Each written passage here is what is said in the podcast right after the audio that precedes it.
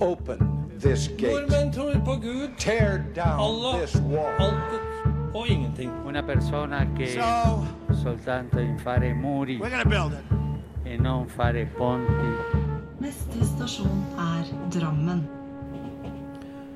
Hei og velkommen til Ypsilon-samtaler, en podkast fra Kirkelig dialogsenter i Drammen.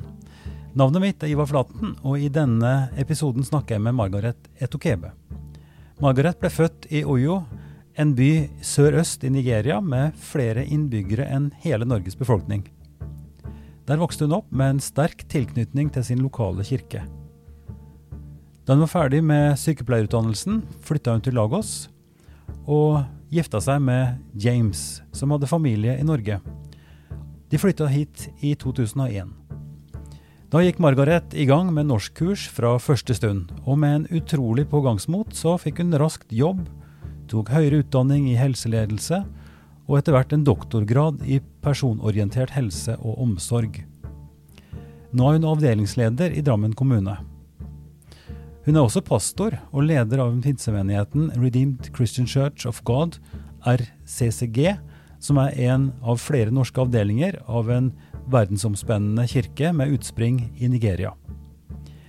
Margaret har engasjert seg i Buskerud innvandrerråd, der den siste tida har vært fokusert spesielt på utfordringene med koronaepidemien. Folk må forstå hvor komplisert dette er, sier hun. Innvandrere har ofte jobber der kontakt med mennesker er nødvendig, og få kan være på hjemmekontor. Derfor er gruppa naturligvis mer utsatt for smitte. Det er urettferdig og galt å beskylde alle disse menneskene for uforsiktighet og manglende omtanke, sier Margaret. Kjære Margaret Etokebe, velkommen til mitt eh, lille podkaststudio. Takk. Eh, Det er kveld allerede, ettermiddag. Du har vært, eh, hatt en lang dag på jobb eh, i en vanskelig tid.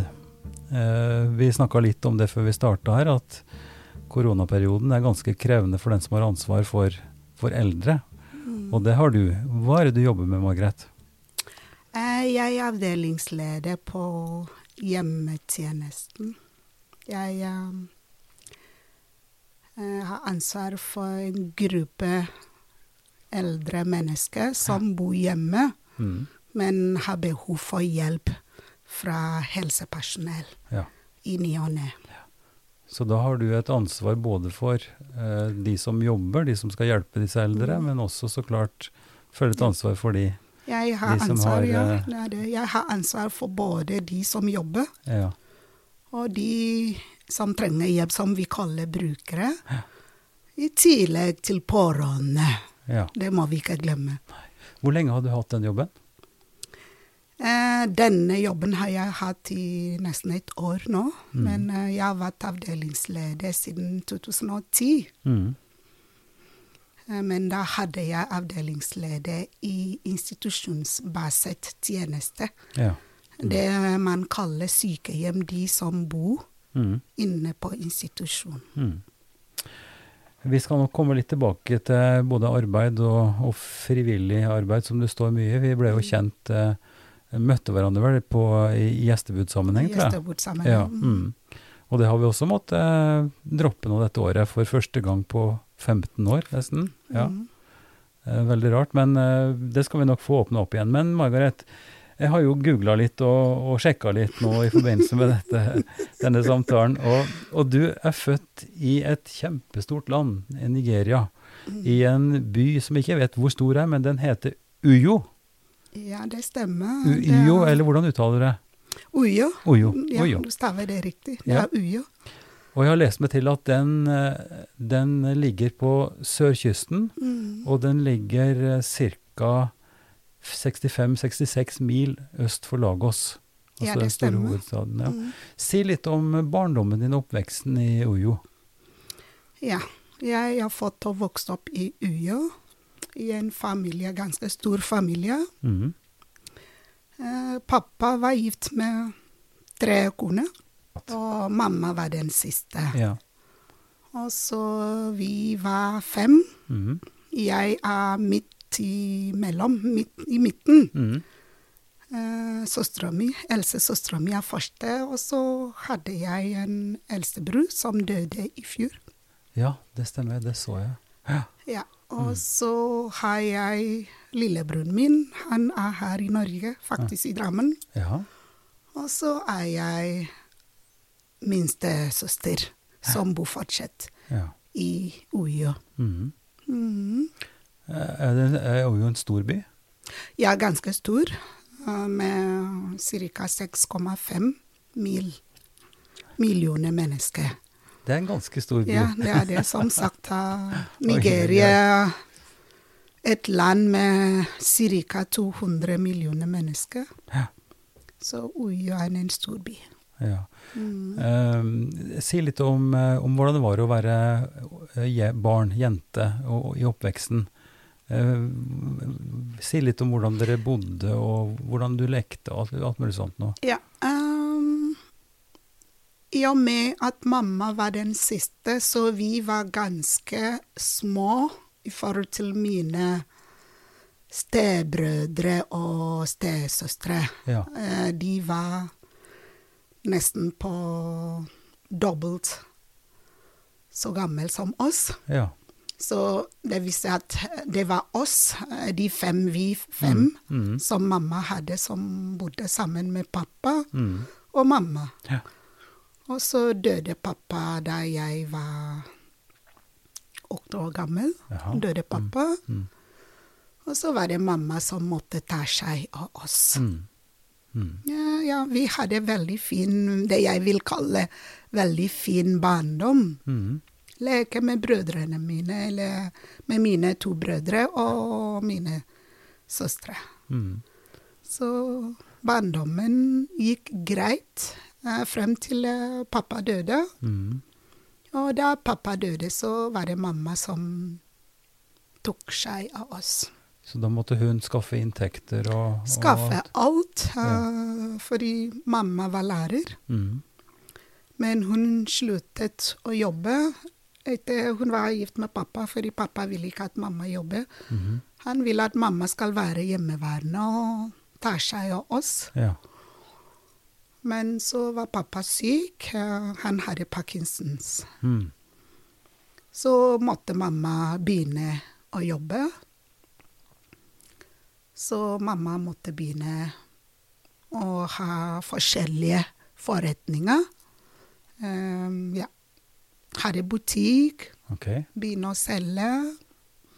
Hun var flink til å sy, Mhm. så hun begynte å designe klær. Oi. Det er derfor vi, alle vi jenter, vi tre jentene, vi klarer å sy ordentlig. Ja, jeg har lært av mamma. Ja, vi lærte det, på godt og vondt. Mm. Mm.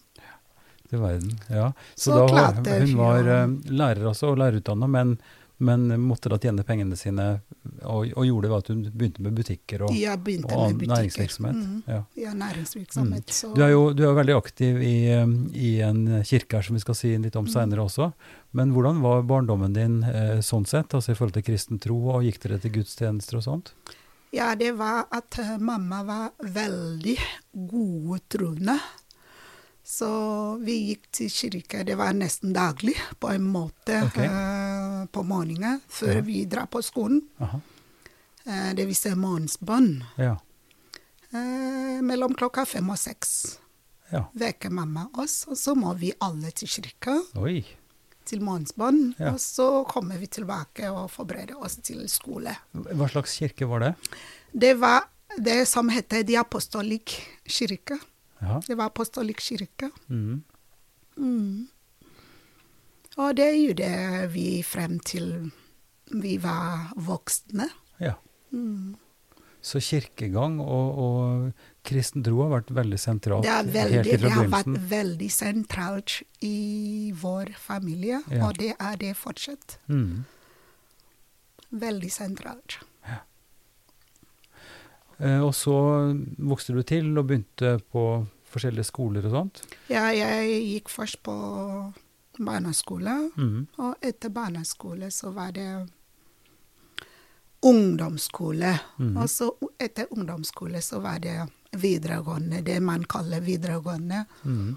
her. Og i Nigeria var det ja, primary school, secondary school.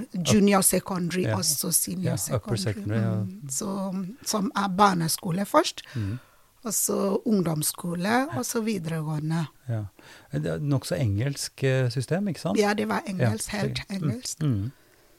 Og engelsk var også uh, hovedspråk, eller? Ja, engelsk er hovedspråk, fordi Mm. vi har over mm, 350 forskjellige språk i Nigeria. Helt utrolig. Ja, så Eh, på grunn av det mm. må man Men ha, hadde dere også et eh, Kaller det stammespråk, eller Ja, det er stammespråk i tillegg til Ja, stammespråk. oromo, eller? Mm? Oromo? Eller Nei, Ibibio. Ibibio. Ja. Mm. Eh, men så eh, sitter du her nå, så på et eller annet tidspunkt så måtte du ha bestemt deg for å dra ganske langt. Hva var Ja. bakgrunnen for det? Eh, det var mannen min. Ja, Mm. Så han eh, kom og gifte seg med meg. Og så var vi klare til å flytte. ja fordi han hadde kontakt i Norge på forhånd, eller hvordan Ja, var det? fordi han har ganske stor familie her. Ja. Han er eldstesøster, eldstebror, mhm, og så lillebror. mhm. Lillesøster. Han har faktisk eh, kanskje ja, seks søsken her i Norge. Ja. Og de er seks søsken her i Norge. Mm. Så han hadde vært i Norge først før Ja, han kom han tilbake? hadde eller? vært i Norge ja, først. Ja. Mm. Mm. Men hva tenkte du rundt det? Var, var det liksom Det kunne ikke være så greit å flytte fra en stor millionby og så komme til En liten. det, det vesle landet der du har færre innbyggere i hele landet enn i Mm. byen din? Ja, det var spennende. Ja. Det var ikke skummelt, men for meg var det spennende. Ja. Eh, jeg har etter sykepleierutdanninga så hadde jeg flyttet til Lagos ja. og bodde i Lagos og jobbet som sykepleier i Lagos. Men det er jo en kjempeby. Ja, Den er mye, mye større enn det er Rio. Ganske mm, Jeg har ikke sett det, det har jeg ikke sjekka, men det må det være titalls millioner i. Ja, det er Ja.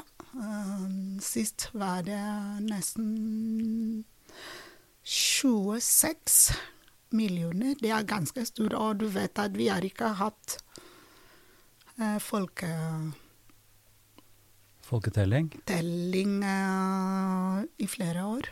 Nei. Så det er bare når man gjetter. Det er fordi at det flytter sånn som i andre land også, at det Mm. flytter mange inn til byen, Ja. som kommer eh, stadig vekk fra landsbygda. Ja. Ok, så da, du jobba som sykepleier der? ja. Mm. Og så flyttet jeg til eh, Norge i mai 2001. Jo, 2001 mai Mm. flyttet jeg til Norge. Mm. Og det var ganske nytt. Ja. Selv om det var spennende. Og det var litt utfordrende i og med at uh, engelsk var mitt språk, Mm. og så her var det norsk. Ja. Så det var litt utfordrende i begynnelsen, og jeg sa til mannen min med en gang at jeg må lære språk. Ja. Og så ringte jeg til Universitetet i Oslo Mm.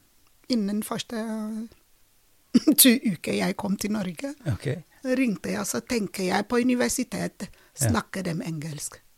Så jeg ringte dit med en gang, snakket med en, og så forklarte at jeg ønsker å lære språk. Og jeg har søkt på nett og ser at eh, dere har norsk språkkurs. Mm.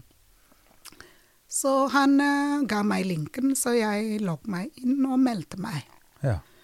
på norsk Kurs på Universitetet i Oslo. Altså du, du har jo på en måte en fordel ved at det er veldig mange i Norge som snakker, eller kan en del engelsk. Mm. Selv om ikke det eh, De fleste kanskje syns det er så morsomt å snakke engelsk, så er det Mm. mange som forstår det og, og kan det. Men eh, det er klart, for å kunne etablere seg Ja. og få jobb osv., så, videre, så, er jo, så er det veldig viktig å Ja. Så du gikk i gang altså nesten Så første jeg uka? gikk eh, Jeg kom i mai, så begynte jeg på det kurset, tror jeg, i slutten av juni. Mm. Så jeg meldte meg på det, og så sa de de har intensivkurs som eh, skal være mm, Jeg tror det var seks uker, husker ikke helt nå. Mm. Men det var intensivt, så jeg meldte meg på det og begynte med en gang. Mm. Og nå sitter du her og snakker norsk, og du har, eh, du har tatt videre eh, høyere utdanning, og du har en lederjobb. Så du har jo jobba hardt da, for å kunne komme dit. Ja, det har jeg gjort, faktisk. Jeg eh, Ja. Jeg jobbet hardt.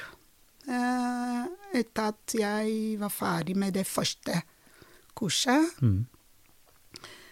eh, så dro jeg til eh, Drammen sykehuset Ja. for å snakke med hun som var leder for sykepleiere. Mm. Og gikk rett inn, banket på kontoret hennes, gikk inn. Sa at uh, forklart at jeg er sykepleier fra Nigeria, Mm. som har nettopp flyttet til Norge. Mm. At jeg vil gjerne jobbe. Mm. Og så spurte hun meg uh, om jeg har fått autorisasjon. Så sa jeg jeg vet ikke hva du snakker om, hva er autorisasjon? Og så forklarte hun hva autorisasjon er. Så sa ja. nei, det vet jeg ikke. Jeg har ikke søkt, jeg har ikke fått. Nei. Og så var hun veldig imponert at jeg kom. Mm. Og så tok hun telefonen og ringte til sykepleierskolen, som var ved siden av. De var ved siden av Nå er det barnehage som er der. Ja. Så hun ringte til rektor der Mm. Og forklart. jeg sender noen til deg når du må hjelpe henne å søke autorisasjon. Mm. Og så ba hun noen å vise meg hvor de kontorene er, så vi gikk ned Mm. litt, og så snakka jeg med rektor, og så hun printet ut søknadsskjema, Mm. forklart alt hvordan jeg skal søke. Så sa møter du noen utfordringer, det er bare å ta kontakt med meg. Veldig bra. Så Så kombinasjonen av å være aktiv, altså det at du ville i gang, og at du tok kontakt, og at du traff de riktige personene, ja, det var det jeg må si. Jeg har vært veldig heldig at jeg alltid treffer riktige personer. Mm. For det er begge deler, ikke sant? Mm. Det er ikke gitt at selv om en jobber hardt, at en er heldig å, å treffe på sånn. Og, så det, det, høres, det er veldig bra. Jeg blir veldig glad av å høre det, at, at det faktisk er mulig, og at du så kjapt da kom i gang. Men da fikk du autorisasjon relativt snart, da, eller? Ikke snart, fordi da måtte jeg gå gjennom det de kaller nasjonale fagkurs. Ja. Og så i Nigeria har vi ikke eldreomsorgpraksis. Nei. Vi har eldreomsorg, Mm. teori, men ikke praksis. Mhm. Eh, Etter at jeg søkte autorisasjon, så fikk jeg brev at jeg må gjennom Nettopp. eldreomsorgspraksis Mm. og så nasjonale fagkurs. Ja. Um, og så igjen var saksbehandler veldig greit, så hun ringte meg mm. og sa Margret, jeg vil råde deg å søke jobb på et sykehjem. Mhm. Begynne å jobbe der, begynne å bli litt kjent med systemet, begynne å bli litt kjent mm. med eldreomsorg. Nettopp. Fordi det holder ikke med bare seks uker praksis Nei. som vi skriver her, kanskje du kommer til å trenge mer. Mm. Så samme kvelden satt jeg og søkte på jobb på flere steder i Drammen. Alle jeg søkte på nett og fant alle de sykehjemmene. Mm. Så søkte jeg. Mhm. Og to dager etter så fikk jeg telefon og ble innkalt på intervju på to steder. Først var saniteten. Saniteten i den tiden like ved siden av sykehuset, mm. etter opp der. Ja. Og så samme dag fikk jeg innkalt på intervju på Konnerud. Ja. Så dro jeg først på intervju på saniteten, og derifra til Konnerud. Fy filler, da. For en, for en eh, framdrift. Og så traff jeg en riktig person igjen, Ja. som etter intervju Ja. sa hun Margaret, jeg ansetter deg. Um, jeg ser at du har veldig god fremtid.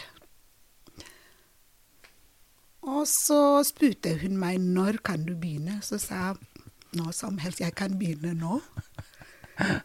Så jeg begynte eh, på Konnerud, jeg tror det var 17. desember 2001. Samme år som du kom. Samme år som jeg Bare et kom. halvt år. Bare et halvt år. Så begynte jeg der. Men etter sommer Mm. så fikk jeg plass på introduksjonssenter Mm. og fortsette med språk. Ja. Så fikk jeg kveldskurs, Mm. som var to dager i uka, tirsdager og torsdager. Mm. Samtidig som du jobba. Samtidig som jeg Ja. jobba. Ja. Så jeg jobbet, og så var jeg på kurs. Mm. Eh, De dagene jeg er på kurs, så har jeg dagvakt. Mm. Og de dagene jeg er aftenvakt, eller jeg tok aftenvakt på andre dager, men da jobbet jeg som pleiemedarbeider Mm. i påvente autorisasjon. Mm.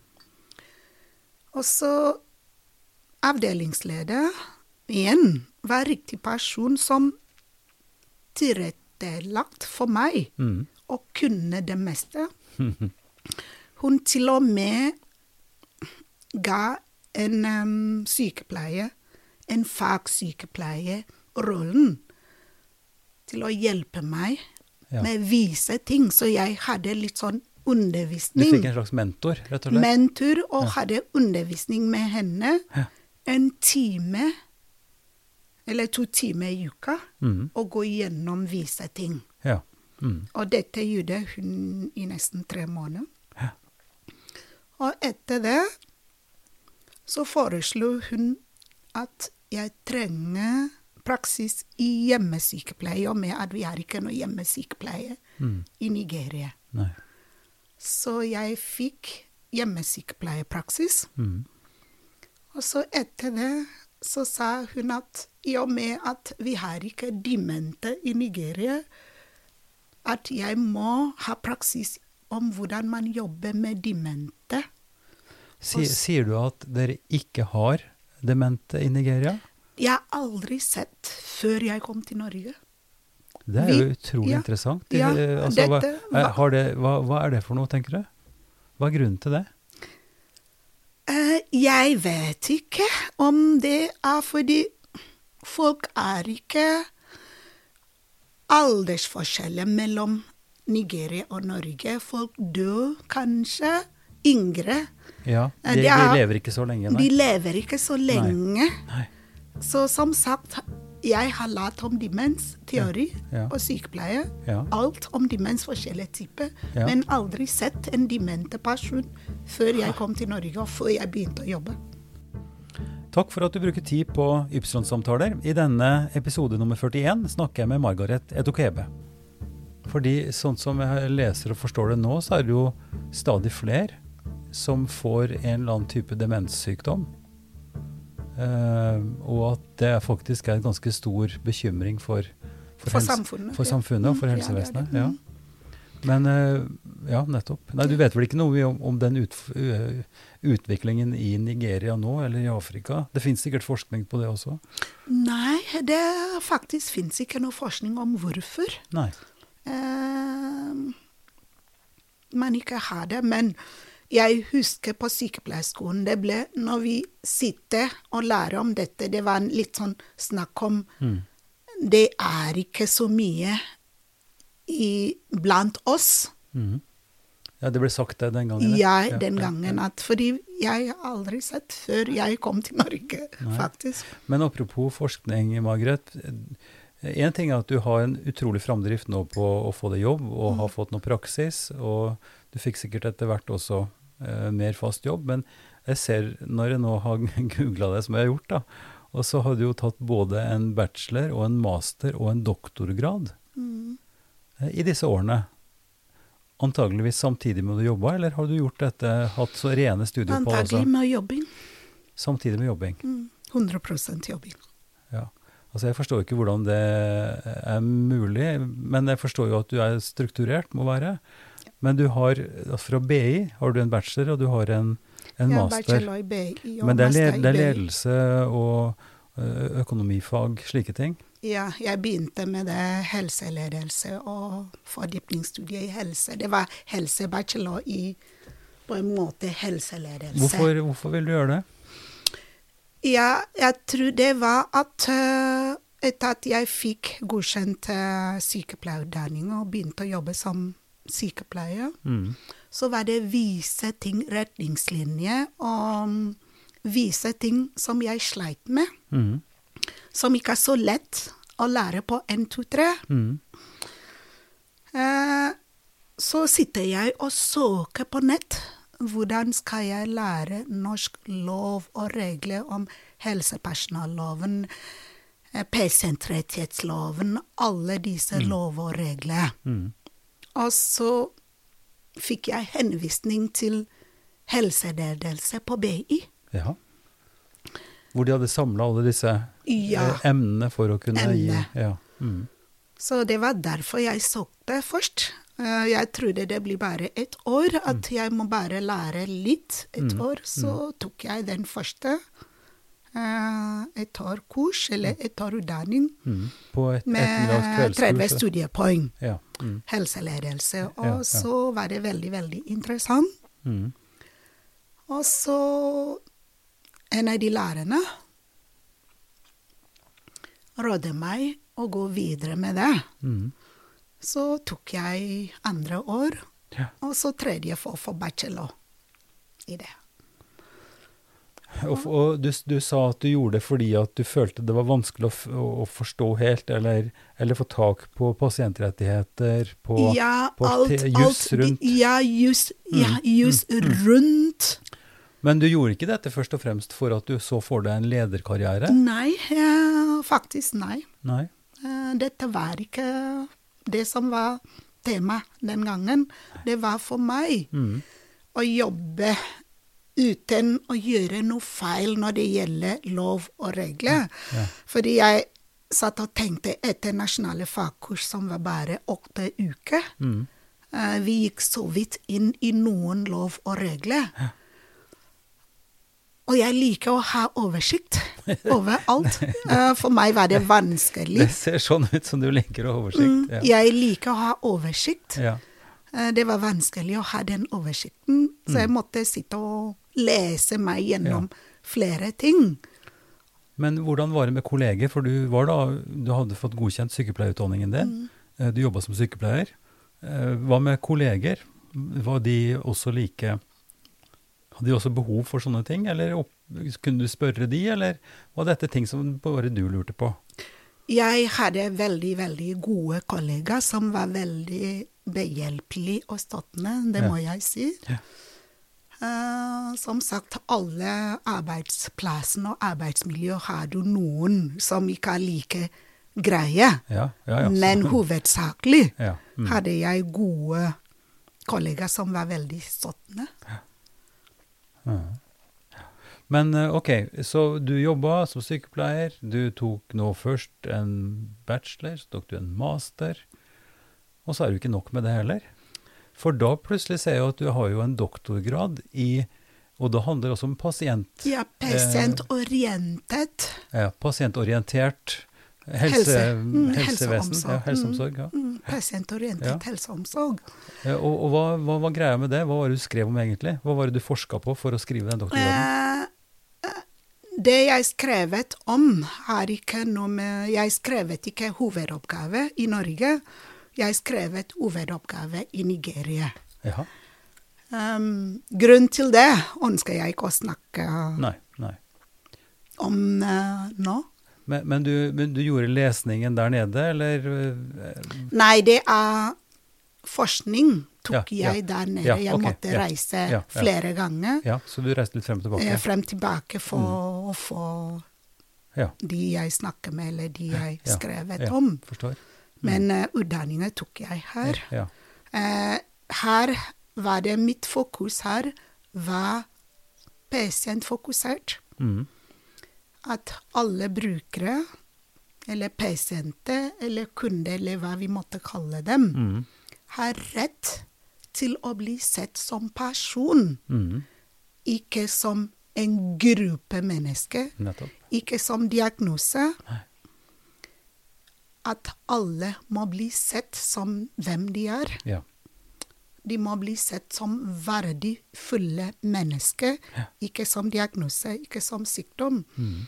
Og at bak sykdommen, bak uansett det man sliter med, er det en person. Ja. Og det er den personen vi må se først og fremst. Og at behandling eller omsorg skal være basert på person, ja. ikke på andre ting rundt, eksterne ting rundt. Interessant. Der har jo Det er det som også Da dette kom til Norge Mm.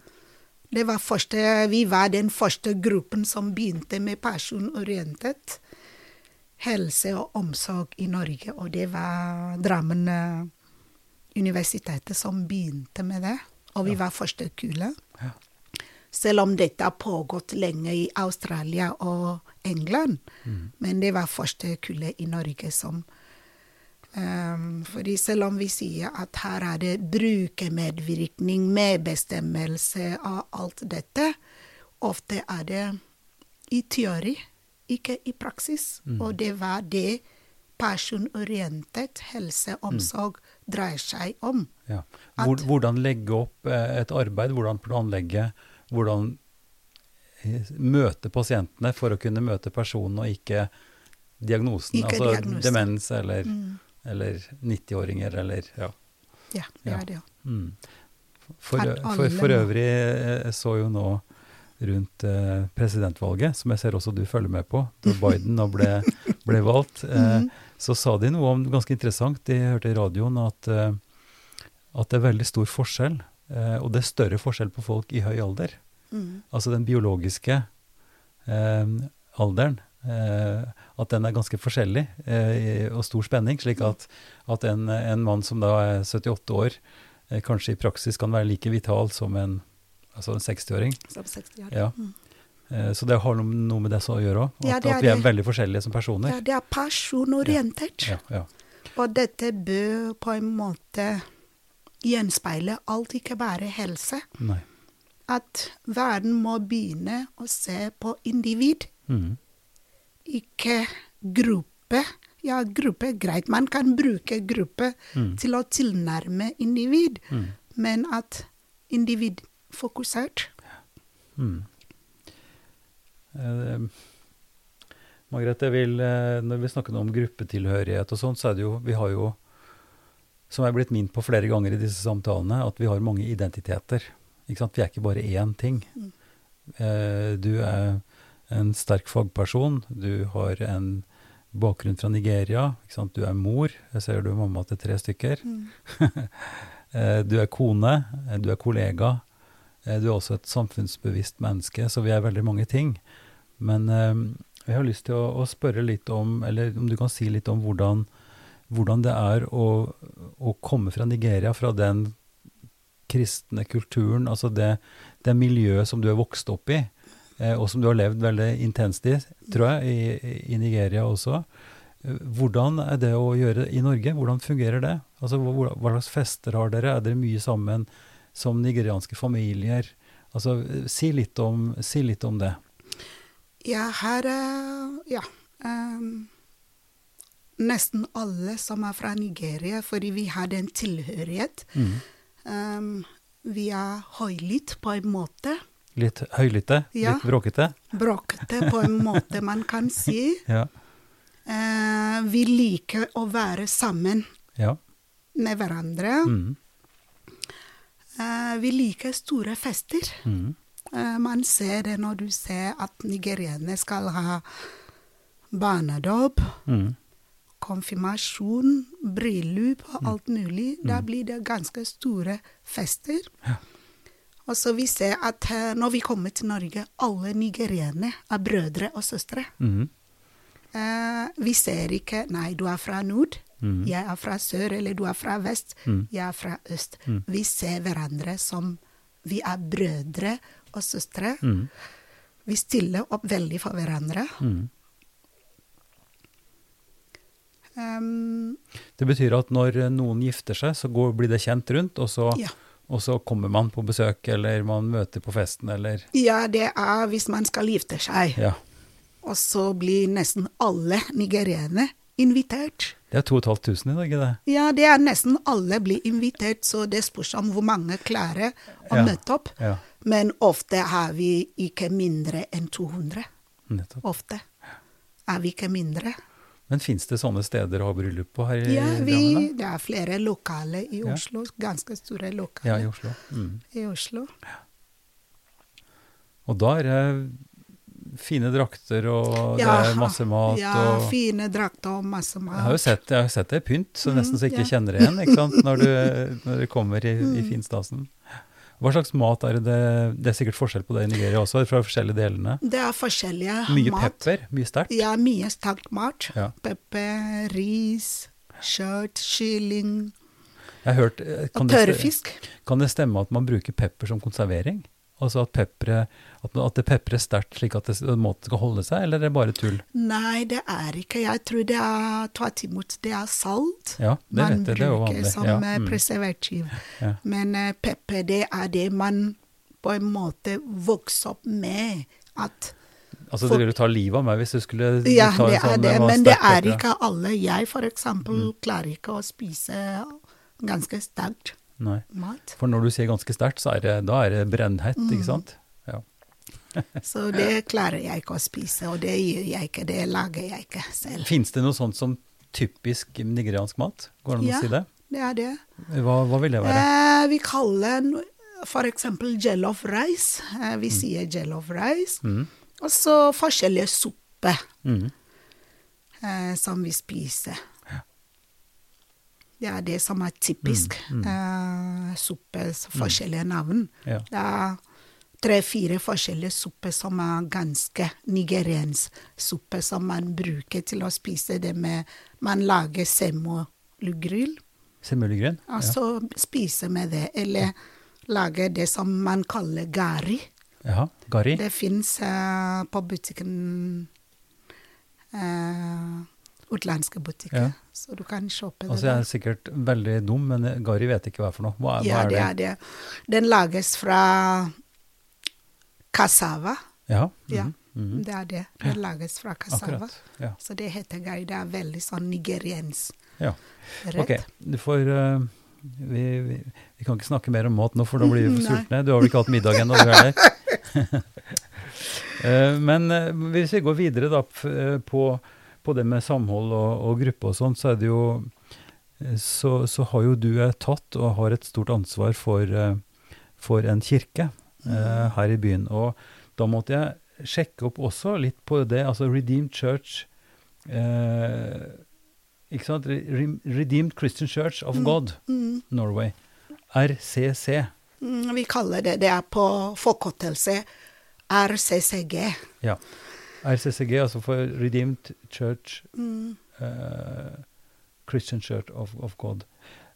Det, uh, og det er altså en kirke som har en utbredelse i 140 land. Mm. Nå Eh. er det I år er det 146, tror jeg. Ja, Så det er en veldig sterk misjonerende kirke som planter kirker uh, stadig nye steder. Um, og når jeg så den hallen som er i Lagos, altså den, det bygget som er så stort som Jeg vet ikke hvor mange fotballbaner, men det er gigantisk. Hvor mange er det som samles der til gudstjeneste? Eh, ikke vanlig, vanlig gudstjeneste, fordi det er, alle er på forskjellige steder. Men eh, Når når, vi har samlinger, Mm. eh, det kan være opp mot 10-15 millioner. På ett sted. Ja. Så det er derfor de bygger. Og så når de ser at det er ikke nok, så bygger de De bare fortsetter å bygge. Det er en sånn helt Ja, flat hall, på en måte. Med, jeg, jeg så noen bilder på nettet. Men eh, dette er også en veldig interessant historie, eh, så, eh, for din kirke er ikke veldig gammel. Jeg tror han som, som startet det, han ble født akkurat rundt 1900. Mm. Eh, og så holdt han på og fikk en stor etterfølgelse. Og han som nå er leder, som, Mm. han må jo være kanskje 80 år snart? Nei, han er det er sek- 77. 70, ja, men snart 80 da, ikke sant? Ja, han, er snart, han ble 77. Ja. eh, og har, han var også i Norge her for ikke så veldig lenge siden, så skjønte jeg. Men, men si litt om, om den kirken, for der står du notert som pastor i Drammen. Uh, For den kirken. Uh, Og dere samles i Strømsø i menighetshuset der, vet jeg. Strømsø menighetshus. Eh, hva slags kirke er det? Altså Sånn som den ser ut her i Drammen for deg? Ja, det er en eh, det vi kaller pentikostal Ja, en, pinse, en pinsekirke. Pinsekirke. Ja. Som du har lest, eh, Mm. startet i Nigeria, men nå er det i over 146 land Mm. eh, i verden. Eh, I Norge, pastoren som startet det, døde for fire år siden av Mhm. kreft. Mm. Uh, han uh, startet det hjemme hos seg med hans barn, kona, og så to vennepar. Mm. Nå har vi syv bransjer i Norge. ja. Syv avdelinger. Mm. Ja. Eh, en i Bergen, Mhm. En i Stavanger, Mm. en i Haugesund, en i Kristiansand, en i Trondheim. Mm. Og så den vi har i Drammen, og så to i Oslo. Mm. Takk for at du bruker tid på Ypsilon-samtaler. I denne episode nummer 41 snakker jeg med Margaret Etokebe. Og dere møtes, det er søndagsgudstjenester Eh, med sånn som en eh, Med musikk, med Ja. sanger, med bønn, med prekener. Mm, ja, musikk, bønn, prekener. Mm. Og så har vi, ja, før korona møtes vi på Strømsø menighetshus eh, på søndager. Mm. Eh, fra klokka tolv til klokka to. Mm. Men eh, fra mars da har vi ikke hatt fysiske oppmøter, men vi bruker Skype og Zoom Mm. for å ha møte. Og så har vi bibelstudie Mm. på onsdager fra klokka seks til halv åtte, hvor vi leser Bibelen fra N til Å. Ja, så vi begynte med fra Genesis, Ja. og så leser Ja. opp. Og det gjør dere også på Zoom. Ja, Mm. det gjør vi på Zoom og Så dere leser et stykke, en liten tekst, og så snakker dere sammen om det? snakker vi sammen. Det vi gjør, at eh, vi leser når vi begynner fra f.eks. Genesis, og så leser vi Alle leser fem. Eh, leser fem vers? Vi, ja, fem vers. Mm. Og så når vi har lest det, og så snakker vi sammen. Hva betyr dette for deg? Ja. Mm. Eh, hvordan vil du beskrive dette? Mm. Hvordan gjelder dette deg? Hva betyr dette for deg? Mm. Og så snakker vi, og det er møte hvor vi sier at det er ikke noe dumt. Det er ingenting som er dumt å si. Nei. Eh, det er ikke noen ting som er dumt å spørre. Nei, Alle for man får snakket om teksten slik som man forstår det, og så kan man hjelpe hverandre til å forstå. Ja. Mm. Eh, Du, har- du har ingen spesiell te teologisk utdanning, eller har du studert det også? Eh, jeg gjorde det i Nigeria, Mm. uh, i, men det var ikke Det var seks måneder. Ja. Så jeg vil ikke si at jeg har den teologiske, Nei, ordentlig nei, nei. Du du har ikke lest gresk og hebraisk og, og så gått dypt i det, men, eh, men lært om pentekostal kristendom. Det, det er også veldig interessant når jeg går på RCCG-websiten, Mm. så står det veldig tydelig hva, hvordan, hva slags kristen tro dere har. altså det Gått gjennom de viktige begrepene og Mm. sånn, så det er jo veldig tydelig for den som er interessert. Men hva, hva er grunnen til at du, at du, Margaret, i tillegg til alt det andre du har, eh, faktisk har tatt Det er jo en del jobb med det, vil jeg tro. Mm. Altså en- mye ansvar. Eh, Hva er, hva er grunnen til at du syns dette er viktig? Ja, dette var viktig, fordi da jeg kom, så pleide jeg å gå til kirke i Oslo. Jeg og barna mine, vi drar til Oslo hver søndag. mm. I tillegg til uh, tirsdager og torsdager barnsmøte, fordi vi har lokaler der som vi kjøpte, så det var lettere Mm. å dra der, der fysisk. Og så etter um, ca. ni år Mm. Så vi vokste ganske, og så var det at eh, kanskje vi skal ha en avdeling i Drammen. Mm. Og så ble jeg spurt om jeg kan eh, lede den avdelinga i Drammen. Mm. Og selvfølgelig sa jeg ja til det. Eh, fordi imens vi dro til Oslo, jeg så at folk hadde behov for samling, Mm.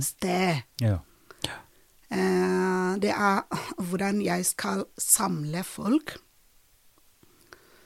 Um, som sagt, vi klarer å være åpne og snakke om alt mulig. Mm.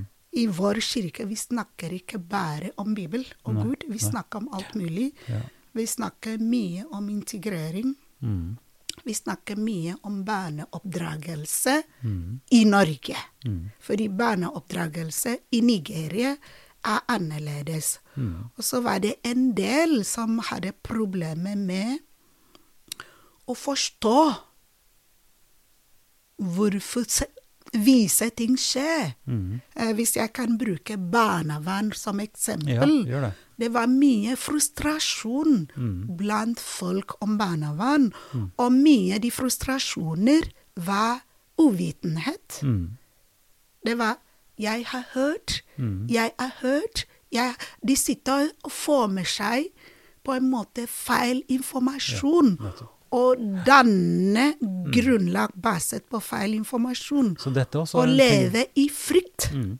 Dette er også noe som, eh, som du kan hjelpe til med, eller som dere kan snakke med folk med, i, også i menighetssammenheng. Ja, det er det vi Jeg kan kanskje godt si at ofte det er bortsett fra de to timene vi møter, og det er kirke, vi bruker ganske mange timer på andre ting Ja. om integrering, hvordan man kan likes i Norge, hvordan Ja, ja. man kan integreres.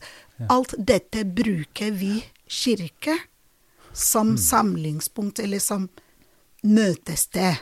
Men hvis du skal Tida går så fryktelig fort. Men hvis du skal si noen hovedpunkter, hva du gir som råd eh, for, det er jo helt tydelig for meg at dere har en veldig sterk et veldig sterkt fellesskap som er basert på den nigerianske kulturen og på måten å være sammen på, og også krist, den, det kristne fellesskapet, eh, som kan være ganske forskjellig ifra bare min kirke, altså den vanlige norske kirke. Um, veldig mye mer nøktern, som du vet. Og? Men selv om, der er det også sånn at vi sitter like lenge og drikker kaffe og snakker sammen som vi har gudstjeneste. Så det er, det er noen fellestrekk, men det er likevel ganske store forskjeller. Uh, på hvilken måte tenker du at en skal lykkes, og hvor, hva, hva ser du for deg som integrering? Jeg har prøvd å si noen ganger at, at, at man kan ikke si at noen skal integrere seg. En må også tenke at integrering er en toveisprosess. At kom, man kommer ikke noen vei hvis ikke det er flinke eller snille kolleger eller naboer. Altså, det må være begge, fra begge sider. da. Så hva, hva er dine Hva har du erfart, og hva vil du si eh, er erfaringene ut ifra sånne samtaler? Ja, integrering, som du sa, det Mm. er begge veier. Det nytter ikke at jeg pusher meg Nei. til å integrere meg hvis den jeg prøver å integrere meg med, dytter seg tilbake Mm. på en måte. Mm. Eh, hvis, som jeg sa, jeg har vært veldig heldig. Jeg vil kalle det at alle de jeg har møtt, Mm. har vært veldig behjelpelige. Mm. Men det er ikke alle som er like heldige. Nei. og frempå. Så, men i dette, det er at man trenger en mentor Ja, en mentor. Mm. å snakke med. Man trenger en veiviser. Mm. Eh, Man trenger en eh, på en måte rollemodell Mm. som kan si hele tiden at 'dette kan du', Mm. 'dette kan vi'. Mm. Eh, vi må ikke takle det på den måten, vi må takle det på den måten. Mm. Man trenger noen som kan av og til være litt hard, Litt streng, ja. litt streng, Mm. og si veien til integrering er språk. Mm. Jeg er klar over at noen av oss kom til Norge som voksne mennesker. Mm. Eh, det er ikke forventa at vi snakker norsk som de som har fått eller kom til Norge som barn. Nei. Men vi må kunne uttrykke oss på en forståelig måte, Mm. og forstå det de andre sier. Mm. Eh, selv om det er vanskelig. De fleste sier det er vanskelig, det er vanskelig. De prøver å finne en kort vei gjennom livet. Og så Det, sier sant, sier vi, er, jo litt late alle sammen, så vi vil helst gå den enkle veien. Så sier jeg hele tiden du kommer ikke unna det. Nei. Det er ikke noe kort vei til integrering. Nei. Integrering må du følge den lange vei, hvis man kan kalle det Men den Margaret, lange vei. det, det har jo vært en del tilfeller hvor storsamfunnet, for å bruke det forslitte uttrykket, har kritisert sånne grupper som du er en del av, eh, og sier at eh, de må integrere seg, de må slutte å være sammen på den måten fordi man da ikke kommer nok inn i det norske. Det har vært en del kritikk mot et tyrkisk trossamfunn, Arif Erkøk, som jeg snakka med her for ikke lenge siden, f.eks., som er ganske bevisste på sitt eget og har opplæring i Koranen, har, ikke sant? Eh, og så sier man at nei, eh, dette er ikke bra, dere må ha mer tid sammen med, med det norske. Ser du det dilemmaet? For, for jeg forestiller meg at det er utrolig viktig at man kan snakke sammen da, med samme språk og samme bakgrunn, samme erfaring kanskje, og pushe hverandre, som du sier nå. Så det må være begge veier? Begge, begge ja, det er, det, det er begge veier. Jeg er på en måte Jeg vil ikke si at jeg er godt eller veldig, veldig godt integrert, men jeg er Jeg lukker meg ikke bare i det miljøet der. Nei. Og så som man sier, integrering er begge veier. Mm. Uh, veien til integrering av språk, Mm. veien til integrering av arbeidslivet. Mm. De fleste mennesker klarer ikke å bryte gjennom den, fordi om vi liker det ikke, alle har sine klaner. Mm. Norge også er en klan, Ja, ja, ja. på en måte. Og familien, at eller vennene. Det er vanskelig å bryte seg inn. Ja, det er sant. Og det er det som har vært vanskelig for de fleste. De fleste ønsker det. Mm. Men hvis du prøver å bryte deg inn, og de trekker seg tilbake, det er vanskelig. Du kan ikke tvinge deg inn Nei. i gruppen som ikke ønsker å ha deg. Mm. Så det er derfor du ser at de fleste forholder seg til grupper som ønsker å akseptere dem. Ja. Så integrering, det er aksept. Mm. Så man må akseptere folk for å kunne integrere folk. Har du ikke aksept, så blir det vanskelig. Dette, dette er et kjempestort spørsmål og, og veldig komplisert. Det er veldig enkelt å si enkle løsninger. ja, det er Og det. peke på de andre og si at de skal sånn og sånn. Men det, det Det er å, verre å peke på seg sjøl og si hva er det egentlig vi Mm. enkeltvis gjør. Og vi har jo stått sammen og står sammen i Gjestebud-prosjektet, som, som er jo et sånt årlig forsøk på å samle folk bredt. Men det er jo også bare et ganske spett forsøk, selv om det er veldig hyggelig og, og fint. Men eh, det som jeg har tenkt mye på, som sikkert du har tenkt mye på også, hva slags arena, bortsett fra arbeidslivet, for arbeidslivet, fellesskapet på jobb er jo det beste. Mm. For der har man kolleger og, og sånt noe. Men hvilke andre arenaer, hvilke andre eh, møteplasser Vi snakker jo hele tiden om møteplasser, det blir så blir sliten av det nesten. Men hva slags møteplasser er det vi kan forestille oss der vi Ja, vi har skolen, da, hvor barna våre går. Det er skole. Det er skole for barn. Ja. Og så noen går på idrett og fotball og sånt. Det er jo en sånn arena hvor man møtes. Men jeg vet ikke, kan man forestille seg noen arenaer, noen steder, altså noe fellesskap som man søker inn mot eh, på tvers, liksom, på en måte eh, Ja, jeg vet ikke, har du tenkt på det, eller har du noen erfaring med sånt noe, du, for din egen del? Uh, jeg husker det. Jeg har en kollega, eller jeg hadde en kollega som sa, Margaret, hva tenker du jeg ville at eh, kanskje vi har en gruppe til damer hvor vi inviterer oss til et sted å sitte og snakke om alt mulig. Mm. Og hun er norsk. Mm. Og jeg var veldig imponert over hennes forslag. Mm. Og så sa men det jeg ikke vet, er om folk tør å komme Mm. ut og åpne seg, så sa jeg, vet du hva, hvis du vil gjøre dette, så er jeg med. Mm. Fordi jeg vet at jeg har muligheten til å få med meg en del som ikke er norske, Mm. som syns det er veldig vanskelig, fordi de får ikke muligheten Mm. til å være sammen. De, de føler at de blir på en måte dyttet, eller det er noe som sperrer Ja. hele. Mm. Ja. Mm. Så jeg tenker på slike møteplasser.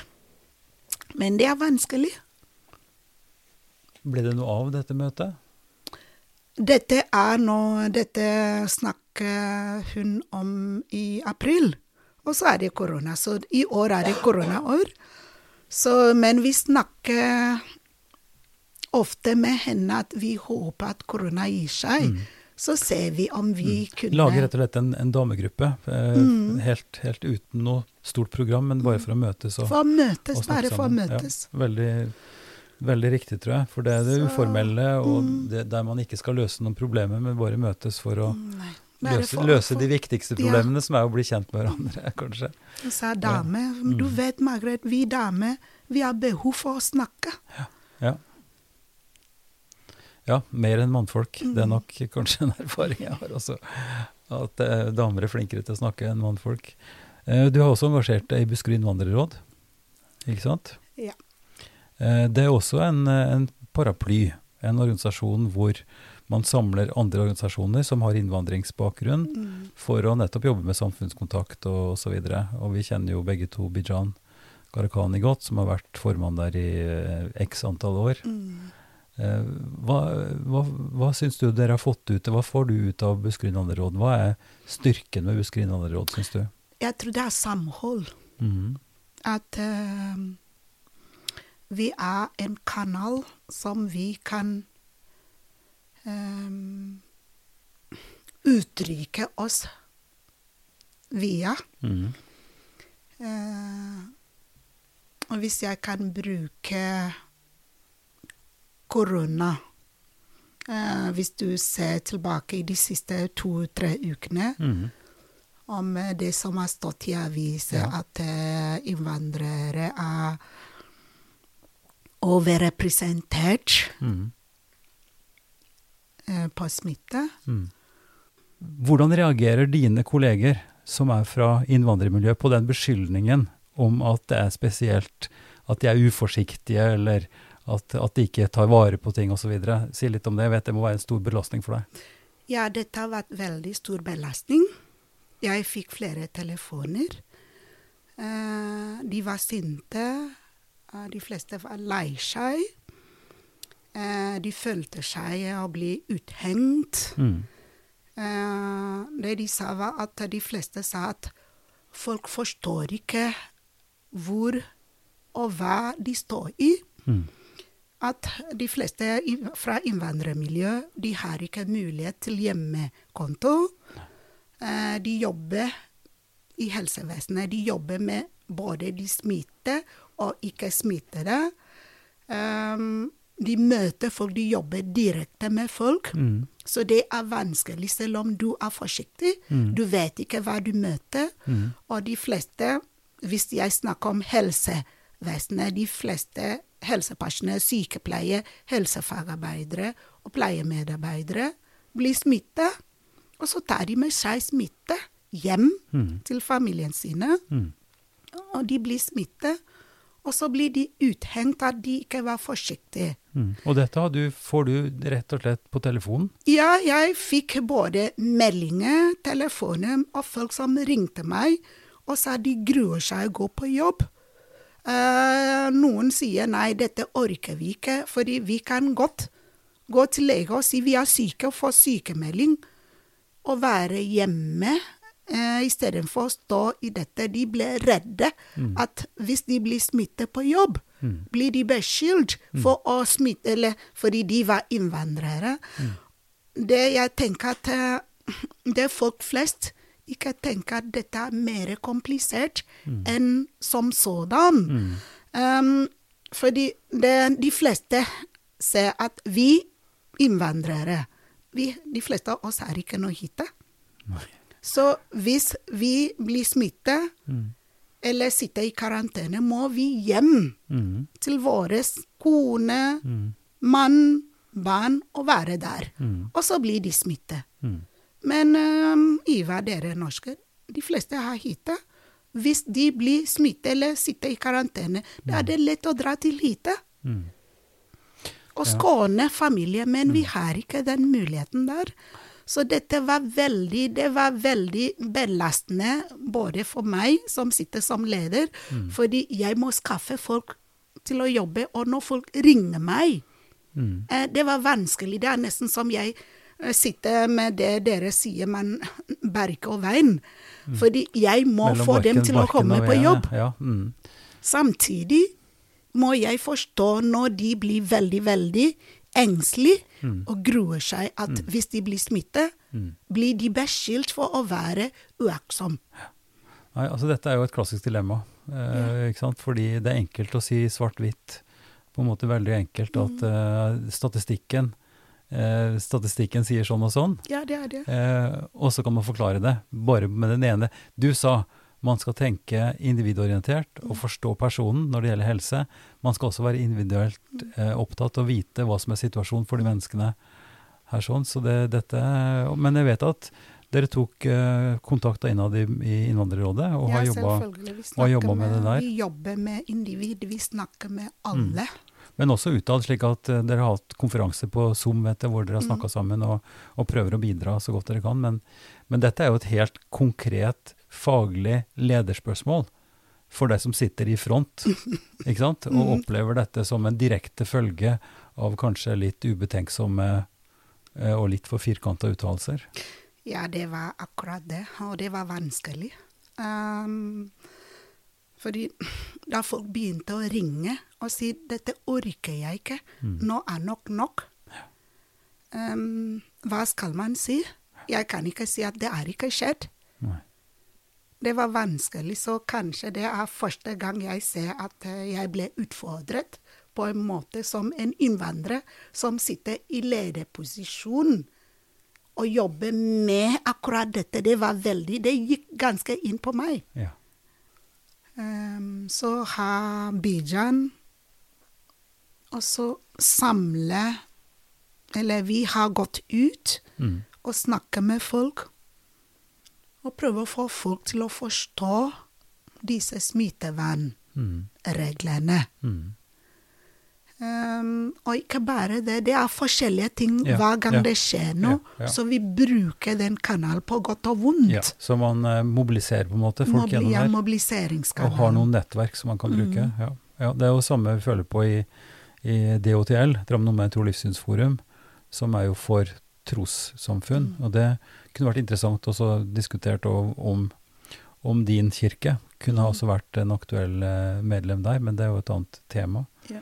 Eh, Men nettopp, så de, det nettverkene, kjennskapet, vennskapet man har, og muligheten til å kunne ringe hverandre når, kunne eh, ringe når det er noe, og kunne gå Mm. sammen for å, for å få til noe. Mm. Et spørsmål som er nesten umulig å komme rundt, syns jeg, det er jo de grusomhetene vi ser eh, med IS og Boko Haram og de organisasjonene som, som bruker ekstrem vold for å oppnå delvis politiske, men som kanskje er skjult som en eller annen type religiøs eh, motivasjon, i det minste. Og, og Nigeria har jo vært sterkt eh, plaget og har vært sterkt eh, influert av, eh, av den konflikten.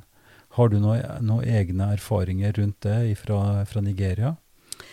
Eh, Jeg har ikke det direkte, bortsett fra det jeg leser i aviser, eller ser på TV, Mm. eller de som har vært Eller de som bor i Nord-Nigeria, fordi dette er mest i. Nord-Nigeria. Ja, ja. Jeg er fra den søndelen. Mm, mm.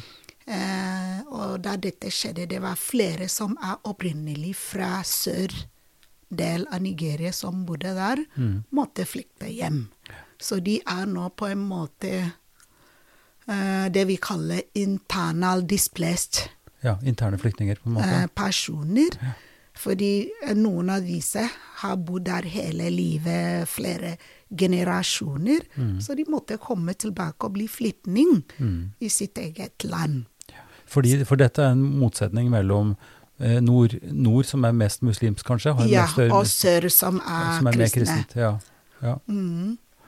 Altså, vi skal ikke gå noe mer inn på det, for det kan folk lese seg til, men det har skjedd det var bortføringer, og det har vært ganske Ja, bortføring og det- mye- mye dramatikk ja, og fryktelig De er veldig imot, ja, ja.